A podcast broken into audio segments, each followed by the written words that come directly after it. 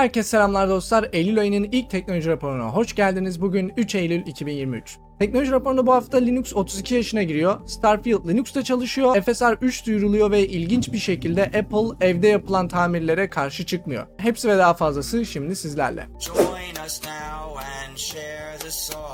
25 Ağustos itibariyle Linux 32. yaşına girdi. Bütün Linux camiasının doğum gününü kutlarız. Yeni güncellemelerinden sonra FreeBSD çekirdeği 25 milisaniyede yükleniyor. Linux'ta bu sayı 75 ile 80 milisaniyeymiş. Tabi bu sistemler sanal makinede ve belli başlı testler ortamında yapılıyor ama e, yine de şu an galiba en hızlı yüklenen çekirdek FreeBSD. Yapay zeka sayesinde sesli konuşamayan kişiler avatarla konuşabilecek. Bağlantıdaki videoya giderek nasıl olduğunu görebilirsiniz. Böyle gelişmeleri görmek beni sevindiriyor. OpenAI şirketler için yeni bir model çıkarıyor. ChatGPT Enterprise. 32K'lık bir token penceresi olacak ve GPT-4 sınırı olmayacak. Tabi bunun için para ödemeniz gerekli ve hala verileriniz OpenAI'nin sunucularında tutulacak. Yani makaleye belli başlı şifrelemeler var yazmışlar ama o şifrelemeler veriyi aktarılırken olan şifreleme yoksa sizin ne bileyim sizin anahtarlarınızla dosyalar gizli bir şekilde tutulmuyor. Gerçi OpenAI bunu yaptığına göre şu an zaten hali hazırda kullanan şirketler var ve böyle bir istek var. Dolayısıyla yaptılar. Yine bunun bir kullanım kısıtlaması olacağı kesin yani her şirkette böyle kullanmak istemez. Yani verilerini OpenAI'ye teslim etmek istemez en azından.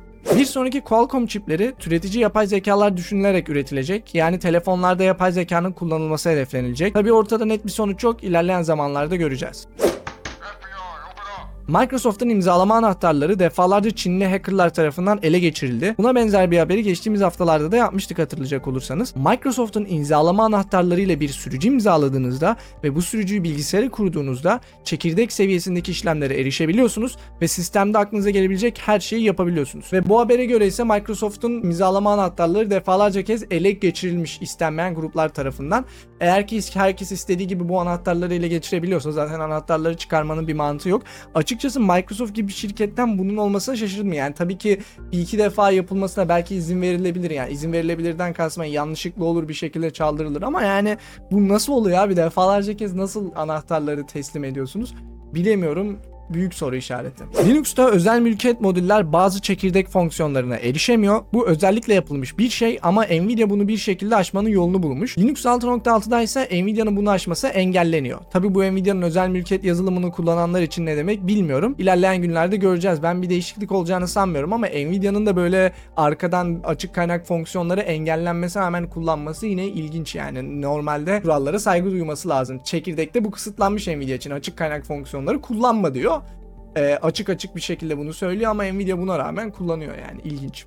Çakma Signal ve Telegram uygulamaları Bad Bazaar denilen bir zararlı yazılım kullanıyor ve bu zararlı yazılım sizin SMS'lerinizi, konuşmalarınızı çalıyor. Aynı zamanda telefon konuşmalarınızı kaydedip kameranızdan görüntüler alabiliyor. Şimdi bu tarz üçüncü parti uygulamaları indiriyorsunuz biliyorum çünkü bu Çakma Signal ve Telegram dediğim işte güya Telegram'ın özelliklerini yükseltiyor da size belli başlı özellikler veriyor. Normalde sadece Telegram Premium'da olan ama siz bu uygulamayı indirdiğinizde onlara erişebileceğiniz bir uygulama diyelim. Signal'da da buna benzer bir şey ya da WhatsApp'tan da böyle benzer istemciler indiriyorsunuz. Arkasında zararlı yazılımlar oluyor. Bakın bu zararlı yazılım az önce söylediğim gibi SMS'lerinizi konuşmalarınızı çalabiliyor. Telefon konuşmalarınızı kaydedip kendine gönderiyor ve kameranızdan bildiğiniz kameranızdan görüntü alabiliyor. Telefonunuzun ekran görüntüsünü alabiliyor. Dolayısıyla böyle 3. parti uygulamaları indirirken 2, 3, 4, 5 kat dikkatli olun. Bu hafta AMD FSR3 teknolojisini duyurdu. Bu teknolojide Frame Generation dediğimiz bir özellik de var. Biliyorsunuz DLSS 3'te de var aynı olay ama sadece RTX 4000 serisindeki kartlar bundan faydalanabiliyor. FSR3'te ise bütün kartlar bundan faydalanabiliyor. Yani çok eski bir kartınız da bundan faydalanabilir. Ama tabii ki AMD'nin önerisi var. Yani bütün kartlarda çok iyi çalışacağını iddia etmiyor. İyi çalışacağını iddia ettiği kartlar RX 5000, 6000, 7000 serisi ve Nvidia'da RTX 20, 30 ve 40 serilerinde e, olması. Yani bu mesela ne bileyim GTX 1050 Ti olan eski ben GTX 1050 Ti olan arkadaşlar için güzel bir şey olacak. RTX 20 30 40 kartlarında da yine güzel olacak. Kaldı ki bu bu tarz teknolojileri biliyorsunuz DLSS ya da FSR teknolojilerini 1080p değil de işte 1440p ya da 4K'ya upscale eden arkadaşlar kullanıyor ve bu, bu arkadaşların RTX 20 kartları da var 30 kartları da var. Onların da kullanabilmesi güzel ama bakalım tabii daha FSR 3 çıkacak yeni oyunlara gelecek falan filan derken eski oyunlarda çalışabilecek mi o da soru işareti. AMD'nin ek bir uygulaması varmış. Onunla birlikte çalıştırabiliyormuşsunuz bütün oyunlarda. Ama tabii ki aynısı Nvidia için geçerli olacak mı yine soru işareti. Çıktıktan sonra detaylarını konuşuruz. AMD RX 7800 XT ve 7700 XT ekran kartlarını da duyurdu. Bu kartlarla 1440p çözünürlükte oyun oynayan oyuncular hedefleniyor. Fiyatları ise 449 ve 499 dolar olacak. Geçtiğimiz haftalarda Roblox Linux desteğini kesmişti hatırlayacak olursanız ve destek şu anda geri geldi. Roblox oynayan var mıdır izleyicilerimiz arasında bilmiyorum ama Linux'ta Roblox oynamaya geri dönebilirsiniz. Steam'de strateji oyunları indirime girdi. 4 Eylül'e kadar geçerli olacak. Starfield çıkışını yaptı. Son zamanların en çok konuşulan oyunlarından olacak muhtemelen. Ee, bir iyi haberimiz var, bir kötü haberimiz var. Hangisinden başlayalım? İyi haber dediğinizi duyar gibiyim. Dolayısıyla iyi haberden başlayacağım. İyi haber Starfield Linux'ta çalışıyor. Kötü haberse sadece AMD ekran kartlarında çalışıyor. Nvidia ekran kartlarının güncel sürümlerinde 535 serisinde maalesef Starfield çalışmıyor. 525 sürümünde de çalışıyor ama yani downgrade ederseniz 525'e çalışıyor. Ama onda da FPS'i düzgün alamıyorsunuz. AMD ekran kartlarında ise tam tersi Linux'ta normal tıpkı Windows'ta olduğu gibi sıkıntısız bir şekilde çalışıyor. Normal FPS değerlerini alabiliyorsunuz. Nvidia desteği de yakında gelecektir. Nvidia tarafından bir güncelleme gelmesini bekleyeceğiz yani. E bakalım geldiğinde tekrar burada duyururuz. Damn, son, where'd you find this? Reddit insanların moderatör olmasını teşvik etmek için moderatörlere ek ödüller verecekmiş. Bugüne kadar moderatörler bu ek ödüller olmadan işini yapıyordu. Açıkçası sırf ödüllerden dolayı birinin moderatör olması bence hoş olmaz. Yani düşünsenize sadece yanında işte kenarda köşede bir şey gözükecek diye moderatör oluyor. Yani insanlar önceden gönüllü bir şekilde oluyordu. Bu sistemi bozdular. Bilmiyorum ben aktif Reddit kullanıcısı değilim ama Reddit'in eski tadı tuzu kaldı mı? Aktif kullanıyorsanız yazarsınız aşağı. Benim okuduğum gördüğüm kadarıyla artık eski tadı tuzu kalmadı Reddit'in. Avrupa Birliği'nin getirdiği yeni yasa ile birlikte sosyal medya platformları kullanıcılara daha fazla kontrol sağlamak zorunda olacak. Örneğin algoritmayı kapatabileceksiniz, gönderileri raporlayabileceksiniz veya gönderiniz platform tarafından kaldırıldıysa nedenini size söylemek zorunda kalacaklar. Bu tarz standartların getirilmesi güzel. Bu haftanın en ilginç haberlerinden birisi Apple artık insanların kendi başlarına tamir yapmasını destekliyor. Yıllardır bunun karşısında duran Apple, bakın düşünebiliyor musunuz? Yıllardır bunun karşısında durmak için ne gerekiyorsa yapan Apple artık diyor ki tamam abi biz de kendi kendinize tamir yapmayı destekliyoruz. Çok ilginç. Yani nasıl oldu da böyle bir karara vardılar bilmiyorum. Genel tahminler arasında şimdi Amerika'da bu tarz davalar sürekli dönüyor ve bu tarz yasaların sürekli geçmesi için çalışılıyor. Her eyalette farklı farklı yerlerde.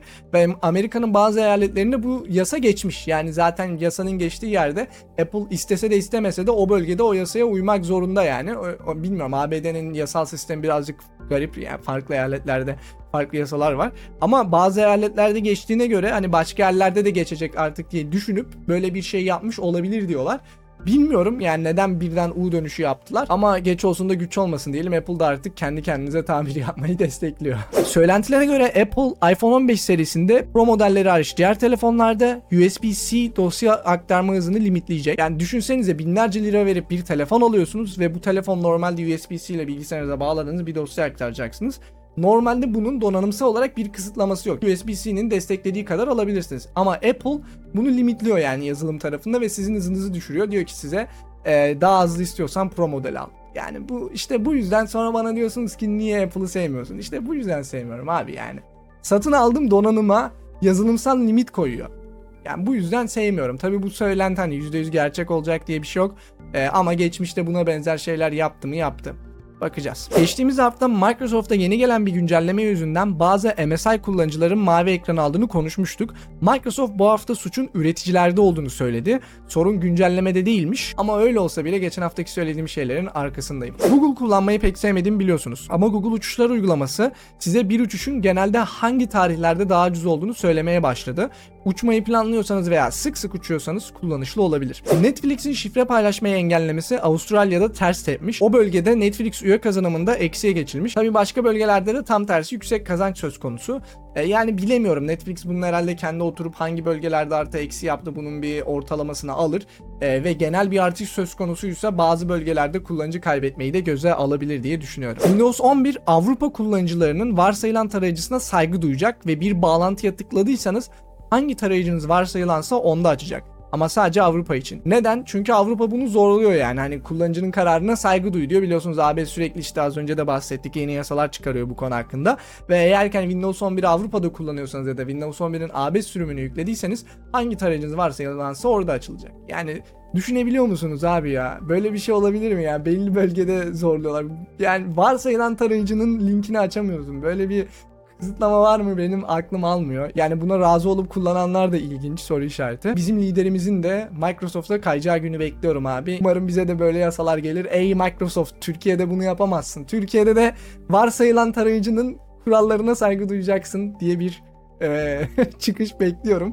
Türkiye'deki yetkililerden birinden bakalım. Windows 11 varsayılan arama motorunuzu değiştirmeniz için size zararlı yazılımları andıran bir anlık pencere açıyor. Oyunlarda bile karşınıza çıkıyormuş. Seçimlerinize hiç saygı duymayan bir işletim sistemi. Google tarayıcısını kullanıp bağlantı kaydediyorsanız o bağlantılarınız siliniyor dostlar. Bazı kaydettiğiniz bağlantılar Google'un kurallarını ihlal ediyorsa siliniyor. Ama halbuki bu bağlantıları siz kendiniz için kaydetmiştiniz. Yani zaten başkalarıyla paylaşmıyorsunuz bu bağlantıları. Sadece sizin hesabınıza kayıtlı, sadece sizin görebileceğiniz gizli bağlantılar. Ama buna rağmen Google'un kuralları ihlal ediliyorsa o bağlantılar listeden kaldırılıyor. Yani yine ilginç Google'dan ilginç bir karar. Muhtemelen bunun farkında olan insanlar servisten çıkacak yani en azından bağlantılarını kaydetmek için Google'u kullanmayacak artık. Eğer ki siz de kullanıyorsanız dikkatli olun bağlantılarınızı kaydedin ve başka bir yere aktarın derim. Evet dostlar bu haftaki teknoloji raporunda sonuna geldik. Her zaman olduğu gibi haberler ve yorumlarım hakkındaki düşüncelerinizi aşağıda bekliyor olacağım. Ve aynı zamanda teknoloji raporunu podcast olarak da takip edebilirsiniz. Sevdiğiniz podcast uygulamalarında teknoloji raporu diyerek aratabilirsiniz. Ve açıklamalar kısmında podcast bağlantısını bulabilirsiniz. Teknoloji raporunun bu bölümü hoşunuza gittiyse videoyu beğenip arkadaşlarınızla paylaşmayı unutmayın. Özellikle teknolojiyle ilgilenen arkadaşlarınız varsa videoyu ve kanalı paylaşırsanız çok sevinirim. Yeni gelen içeriklerden de haberdar olmak için kanala abone olup çana basabilirsiniz. Ve teknoloji raporunun bu bölümünü bitirmeden önce yanında gördüğünüz katıl üyelerime de destekleri için teşekkür etmek istiyorum. Prototürk Gökhan Bey, Karakurt, Sinan Sarıkaya, Suzel Linux Enterprise Server, Nail Sezen, Lalabay, Alpa Potemkin, Furkan Karataş, Murat Çabuk, Taner Gergül, Egen Kılıçarslan, Emre Reyhan, Subsehra İlnada, Baran Şenkulu, Malik Kalaylı, Muhammed İkbal, Ümit Taylan, Uğur Şahin, Eren Yeniç, Kenar Gülüzade, Niko Bö, Ömer, Pythonix Edit ve yanında gördüğünüz diğer bütün isimlere destekleri için teşekkürler. Aynı zamanda YouTube platformu dışından destek olan maddi destekçilerimize de teşekkür ediyorum. Siz de yaptığım işi seviyorsanız ve kanala maddi destekte bulunmak istiyorsanız yusufbek.me yan çizgi destek adresine gidebilirsiniz. Bir sonraki videoda görüşmek üzere. Kendinize iyi bakın. Hoşçakalın.